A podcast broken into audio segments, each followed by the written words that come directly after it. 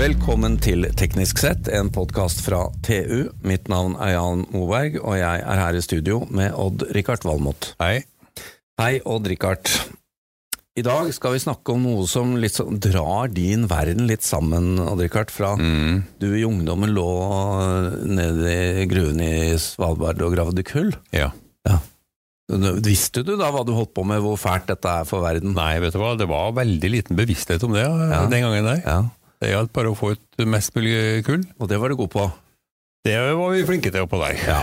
Men Det var ikke lønnsomt da, men vi gjorde det likevel. Ja, ja. men vi fikk jo se det, hvordan det gikk, da. Men de fyrer fortsatt med kull der oppe, det har vi jo vært de, ja. og, og sett og besøkt. Men så nå, ganske mange tiår etterpå, så er det jo ikke kullgraving du driver med lenger, nå er det motorsaga. Fire med tre nå. Ja. Og du, men det blir en del sånn eh, blir en del avfall av denne hogsten din. Ja, det gjør jo det, altså. Mm. Det er mye spon. Mye Det går tilbake til, til naturen. Og eh, sånn sett var det jo greit å bruke deg som eksempel, for vi skal nemlig snakke om eh, og med et selskap som lager, det høres litt rart ut, men kall det miljøvennlig kull. Ja. og som lager um, fyrbrensel til kullkraftverk av spon, Det er jo øh, fantastisk norsk teknologi Ja. og som dermed blir klassifisert som biodrivstoff for kullkraftverk. Ja, det er jo biogent. Nettopp. Og nå, nå har vi nesten avslørt alt, men velkommen til deg, administrerende direktør i Arbaflame, Bjørn Halvard Knappskog. Velkommen. Tusen takk, hyggelig å være her. Jo, takk for at du ville komme, og nå hører du vi har introdusert litt her. Er vi inne på konseptet? Ja, det syns jeg absolutt. Eh, CO2-syklusen og hva som er bærekraftig eh, og ikke, er jo ekstremt relevante temaer generelt om dagen, men også spesielt for Arbaflem og, og det vi driver Ja. Men da må vi bare si med en gang, eh, det ligger en artikkel på tu.no som beskriver eh, hva dere gjør, og selskapet som Odd-Rikard har skrevet, Mm. eh, som jeg fikk gleden av å lese før jeg gikk i studio her, Ja, og du heldig, har litt voksenopplæring. Men Bjørn Halvard, um, dere, lager, dere lager i praksis drivstoff til eksisterende kullkraftverk. Yes. Vi kan jo, jeg syns det er mer interessant å snakke om, om eh, europeisk energimarked og hvordan vi sammen skal fase ut kull fremover, men kan jo først starte med å forklare kort hva, hva vi i Arbaflem driver med. Ja. Uh, og det er at uh, vi tar uh, bioavfall i form av sagspon eller andre avfallsstrømmer fra treforedlingsindustri, og gjennom vår produksjonsprosess, som vi over de siste ti årene har utviklet og verifisert, gjør det om til et biobrensel som har de nødvendige egenskapene som gjør at kullkraftverk eller fjernvarmeverk i Europa kan fase ut kull, som er miljøversting, Kull Mm. står for 40% av globale CO2-utslipp. Og altså fase ut eh, kull og erstatte med et eh, jeg kaller det et grønt, grønt kullerstatningsbrensel vi produserer. Du kan, du kan si at det ligner litt på pellets, men det er, jo- det er jo ikke pellets sånn som vi kjenner de i ordets rette forstand, hvor det som er liksom sammenpressa kullbriketter. Det er riktig. Det er, du kan si at det er en type pellets. Den har den samme formen som pellets, Ja. eh, og den er tørket og komprimert eh, på samme måte som tradisjonell pellets. Eh, Men gjennom eh, dampbehandlingen i prosessen vår, så har den en rekke egenskaper som skiller seg fra vanlige pellets. Eh, Som gjør at kullkraftverk kan bruke det på akkurat samme måte som kull, eh, som ikke er tilfellet for vanlig pellets eller vanlig biomasse som er tilgjengelig i dag. Mm. Men hvis vi kommer inn på prosessen, da, for det er jo det som er interessant her, hvordan dere har klart å ta sagflis og få det til å bli nærmest kull. Kanskje du forklarer hva som skjer? Yes. Jeg først starte med å kort fortelle hva pellets er, da, for de som ikke vet det fra før.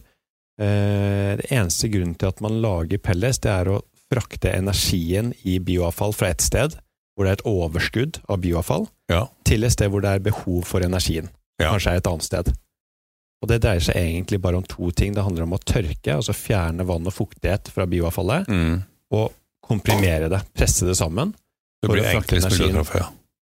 veldig mye mer effektivt per kubikkmeter enn hvis du hadde fraktet avfallet sånn som det ligger. Ja. Og Det samme gjør vi i fabrikken vår. Vi både tørker, fjerner fuktighet og vann, og vi komprimerer på slutten. Midt imellom der, derimot, så har vi noen dampreaktorer, hvor vi følger reaktorene med bioavfallet og eh, høytrykksdamp. Og vi koker biomassen i en gitt periode, for deretter å redusere trykket veldig raskt. Det er en såkalt dampeksplosjonsprosess, som ikke vi har utviklet, men som er en kjent uh, prosessmetode i industrien, Mm. uh, og har vært det i mange titalls år. Men vi er det første som benytter det til, for dette formålet. Da. Ja, vi, bruker, vi har jo industri i Norge, sånn som Kambi, som bruker det for, på kloakk, og vi, vi bryter ned matavfall øh, med det. Og, og, så prosessen er, som du sier, kjent. Men nå ble jeg nysgjerrig. Altså, øh, hvis du skal frakte et tonn kull, så kan du frakte det øh, ganske enkelt i å si, åpne vogner, og du er ikke utsatt for vær og vind og sånn. Hvordan er dette med dette produktet? Det som er fordelen med vårt produkt, er at uh, til forskjell fra uh, vanlige woodchips eller sagspon eller vanlige trepiller, som er uh, store globale markeder i dag, så er det slik at for å bruke et eksisterende kullkraftverk og erstatte brenselet fra kull til biobrensel, så er du nødt til å gjøre investeringer i 100-millionersklassen. Uh, flere milliarder typisk må investeres i å endre logistikken på kullkraftverket, også på havna og logistikken. Og det må stå ubrukbart i lang tid for å få det til? Ja, typisk en ombygningsperiode på, på én til to år. Eh, Et eksempel til at det er nødvendig, er f.eks. at eh, vanlig trepellets tåler jo ikke vann. Nei. Hvis du utsetter pellets for, eh, for, for fuktighet eller vann, så svulmer det opp og går Mm. tilbake til sin opprinnelige sagsponform, Ja. og du har brensel som ikke kan brukes på kullkraftverket. Det er årsaken til at når det kommer et skip fra USA til Drax f.eks. Eh, i UK med pellets, og det regner, så må skipet stå der og vente til det ikke regner. Oh, ja. Eh, alternativt så må du bygge unloading-utstyr som er helt lukket, som gjør at pelletsen ikke ser dagens Mm. lys fra det er produsert et sted til det er inne i forbrenningskammeret på Mm. kraftverket. Da. I tillegg så må du bygge ny silo, eh, innendørs lagring og en rekke andre tilpasninger. Eh, mens vårt produkt har vanntette egenskaper, eh, og det er også mer hardfør, som gjør at det kan håndteres akkurat på samme måte som kull Ja, nå, gjennom hele verdikjeden. nå slapp vi litt forklaringa etter at øh, når det eksplod, i det det eksploderte, de små trefibrene blir da varma opp og utsatt for øh, høy varme og trykkfall, Yes. og så eksploderer de og blir til et pulver, ikke sant? Riktig. Og så Det er riktig. Og i, en konsekvens av, av den prosessen er nettopp at det pulveret, eh, ligninet i trefibrene, Ja. mykner ja. og coater alle disse partiklene, som resulterer i en pellet som er eh, ikke Jeg kan ikke si at den er vanntett, men den har vanntetthetsegenskaper, sier vi. ja. Iallfall vanntett nok til å kunne lages og håndteres utendørs på, på samme måte som kull. Eh, som vi som er, vi har demonstrert på, på ti ulike kullkraftverk i Europa eh, over de siste årene. Men det betyr at kullkraftverkene også kan gjøre det om til støv før forbrenning? Ja, og det typisk kullkraftverk gjør, det er at de kverner kullet ned til et veldig fint pulver Ja. før det blåses inn i forbrenningskammeret. Og dette er store kraftverk med forbrenningskamre som er ja, Kunden vår, Powerplant Rotterdam, har et forbrenningskammer som er på størrelse med DNB-bygget i Bjørvika. Å jøss. Å, fy fader. Det er vel nærmest du kommer øh, helvete, vil jeg tro. Da har de åtte store kverner som kverner kulver- pulveret ned til pulver. Det ser ut som O'boy. Ja, Du kan se for Hvis du tar til og med Mm. grillkull og kverner, kan du se for deg at du får et fint pulver ja. for effektiv forbrenning. Og det blåses inn i to ulike etasjer i dette forbrenningskammeret. 16 lyser. 16 flammekastere inn i den ovnen. Eh, og vi har da lykkes å simulere tilsvarende fint pulver inni vår pellesen. Den Mm. har en key egenskap som kraftverkene krever da, for å Ja. kunne bruke de eksisterende møllene og eksisterende kraftverket. Ja, for her må vi legge til at dette er ikke bare et prosjekt som skal komme i gang, dere har allerede leveranser. Ja, vi er veldig stolte av eh, Først og fremst, det tar tid å starte en helt ny industri. Eh, og vi selger jo produktet vårt inn til kraftbransjen, som er en konservativ bransje. De leverer jo et viktig produkt, og det er strøm og varme til hele byer, eller ja. faktisk forsyningssikkerhet til hele landet. Eh, Så det å få adgang til disse store kullkraftverkene tar tid. Eh, Så vi er veldig stolte da, etter ti år med utvikling, testing og forbedring, at vi har den første kommersielle fabrikken under oppstart, eh, som skal levere på kontrakt til et kullkraftverk i Rotterdam. De har et ønske om å bytte ut miljøverstingkull til et grønnere brensel. Veldig spennende, men da må, må vi spørre, hvorfor, hvorfor pellets i miksen i Europa? Er det ikke vind og sol som eh, gjelder der nede nå? Jo, vind og sol er det det investeres mest i, og det applauderer vi. Eh, Det er vi store tilhengere, og det kommer bare til å fortsette. Ja, ja. Kommer bare til å fortsette, og det er helt supert. Eh, En av ulempene til sol og vind er at det er kraft som du får når det blåser og når det er sol, ikke nødvendigvis akkurat når du trenger kraften. Mm. Det er årsaken til at til tross for en vanvittig investering og, og, og økt vekst i installert sol- og vindkapasitet i Europa, så har faktisk installert kapasitet fra kullkraft doblet seg de siste 15 årene. Bruken av fugl har gått ned, erstattet med sol- og vindkraft, men installert kapasitet har doblet seg. Nettopp fordi du trenger den samme effekten, ja. om ikke mer effekt, fra fleksibel kraft. Mm. Den ene timen det ikke er sol fordi det er natt, Ja. og det ikke blåser. Eh, I løpet av de neste ti årene så har de fleste EU-landene etablert, lovpålagt, at kull skal ut. Da er spørsmålet hva er det som skal dekke den fleksible kapasiteten når kull ikke er et alternativ. Og Der har vi da et spesialutviklet brensel som kan bruke eksisterende kullkraftverk eh, i Europa. Som det er flere enn 300 av. En annen årsak til at eh, biomasse fortjener eh, en eh, rett i, i energimiksen, er i forhold til varmeproduksjon. Våre kjernekunder er såkalt eh, CHP-er, altså kraft-varmeverk. Ja. Altså kraftverk som ikke bare produserer strøm, men de produserer også varme, fjernvarme. Eh, 70% av Oslo for eksempel, er jo varmet opp med fjernvarme utenfor byen her. Og det er også tilfellet i veldig mange tyske byer. Ja. Og disse kraftverkene de er der pga. Varmeproduksjon, og ikke kraftproduksjon. Eh, og da finnes det veldig få alternativer når de skal erstatte kull med energikilde. Veldig uvanlig å produsere fjernvarme med, med sol- og vindkraft, f.eks. Ja, og det tar vel tid før vi får opp energilagre som kan ta unna det behovet som kommer når eh, det mørkner og vinden stilner. Men eh, et par spørsmål. Det første er, dere skal jo bygge fabrikker, da. Eh, dette selskapet Arbaflame eh, skal bygge fabrikker for å ta unna dette forventede behovet. Hva snakker vi om? Antall og geografi? Vi har eh, jeg har en ganske konkret, men konservativ plan om å bygge opp produksjonskapasitet på, på 3 millioner tonn over de neste ti årene. Da skal vi bygge fem 15 litt større fabrikker, både i Europa, USA og Canada. Vi jobber intensivt med å identifisere både siter vi skal utvikle på, men også potensielle partnere, lokale partnere. Eh, og da skal det, investeres betydelig både kapital eh, og tid. Da skal det investeres en 6 milliarder kroner i ny produksjonskapasitet over de neste ti årene. Eh, Jeg vil si at den planen er Årsaken til at jeg sier at den er konservativ, er at det er planen ut ifra vår egen organisatoriske kapasitet akkurat nå, Ja. eh, ikke begrenset av potensial eller etterspørsel for kullerstatning. Da snakker vi 10, 20, 30, 40, 50 ganger disse tallene, som, som selvfølgelig vi skal prøve å gi etter også. Men det eh, dere, eh, det dere er i gang med å gjøre, er å bygge disse fabrikkene, og det skal baseres på, på sagflis eller, eller sk- skogshogst, da. I første omgang, så det er det vi har verifisert 100 Ja. at vi kan benytte ulike avfallsstrømmer fra, kall det, vanlig trevirke. Ja. Eh, men vi har også et eh, R&D-program som går på å verifisere og bruke jordbruksavfall og lavkvalitetsvirke.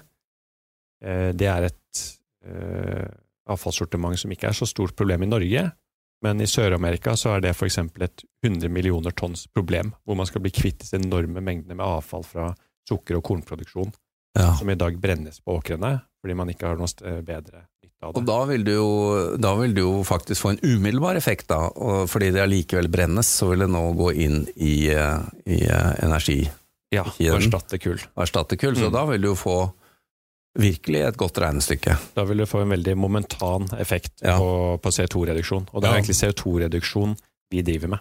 Ja. Pluss at omløpstiden og sånt er jo ett år. Ja. Ja. Avlinga kommer Mm. igjen år etter år etter år. år etter Noen, år. noen av disse har kanskje avlinger eh, to ganger i året, jeg vet ikke. Ja, i visse markeder så gjør du kanskje det. Ja. Og, og da vil du få en enorm effekt, da. Men, så det betyr at du kan putte mye mer inn i denne prosessen enn sagflis. Ja, det er riktig. Ja. Vi har testet både mange ulike tresorter, eh, både nordiske og mer eksotiske arter, og vi kan bruke det aller meste, og vi kan produsere pels av det aller meste. Men er det én ting vi har lært av å ha tette samarbeid med europeiske kullkraftverk, er at det er visse egenskaper som blir med gjennom prosessen og i pelletsen. Uh, og kullkraftverkene har veldig strenge krav til gulspekken de kan akseptere og ikke. Og det er et par utfordringer her som må løses før, kan, før vi kan si at vi faktisk kan ta i bruk den type sortiment. Nå får de heldigvis enda større krav til utslipp òg. Ja, og det er bare bra. Du sa før sending her at uh, med beskatningen av uh, kullkraft nå, så er det lønnsomt for de å bruke Arbaflem i dag? Ja, og det er en game changer for biomasse generelt, men spesielt spesifikt for, for, for oss også. Uh, og jeg syns det er ekstremt kult at det endelig er en, ja. knyttet en vesentlig kostnad ved å slippe ut CO2. Ja. For det har det ikke vært tidligere. Men det som er, er at CO2-skatten i Europa har skutt i været de siste seks månedene, eh, som gjør at det nå endelig faktisk koster da, vesentlig å, å, slippe ut CO2. Nå koster det over 50 euro per tonn CO2 du slipper ut, som gjør at det å brenne kull eh, er dyrere enn å brenne biomasse eller vår Arbacore pellets. Ja. Det er jammen godt det regnestykket ikke får tilbakevirkende kraft, Richard. Men vi må, vi må, spørre deg også, fordi nå har vi vært inne på dette kjerneproduktet, får vi kalle det. Men i den prosessen dere eh, gjør, så er jo, utgjør disse pelletsene hoveddelen, men dere, dere har også en sidebusiness som ikke er dum på denne prosessen. Ja, vi hadde Jeg kan nesten si at vi hadde litt flaks, da, men vi har også vært litt flinke, eller ikke jeg, men vårt tekniske team. Og det er at ut fra prosessen vår så får vi et kondensat som tidligere var et, eh, en rensekostnad knyttet til. Hvordan skal vi rense det for, før vi kan slippe det ut? Ja. Eh, mens vi jobber med å finne ut hvordan man skal rense det, så identifiserte vi en rekke interessante, høyverdige grønne kjemikalier. Eh, så nå, på Arbor One, den kommersielle fabrikken vår, så utgjør disse kjemikaliene eh, over en, mer enn en tredjedel av verdiskapningen. Eh, og vi har en videreforedlingsplan som gjør at bidraget fra disse kjemikaliene kan bli betydelig høyere enn Arbacore Pellesten i seg selv. Eh, så det kan godt være seg at om om få år at vi er mer et eh, biokjemikalieselskap enn et fellesselskap. Veldig spennende. Og eh, nå må vi på tampen her bare bringe opp et helt annet tema, men vi må jo spørre deg, for vi har fått vite at du eh, har vært verdensmester i monopolspill. Yes, det er eh, riktig.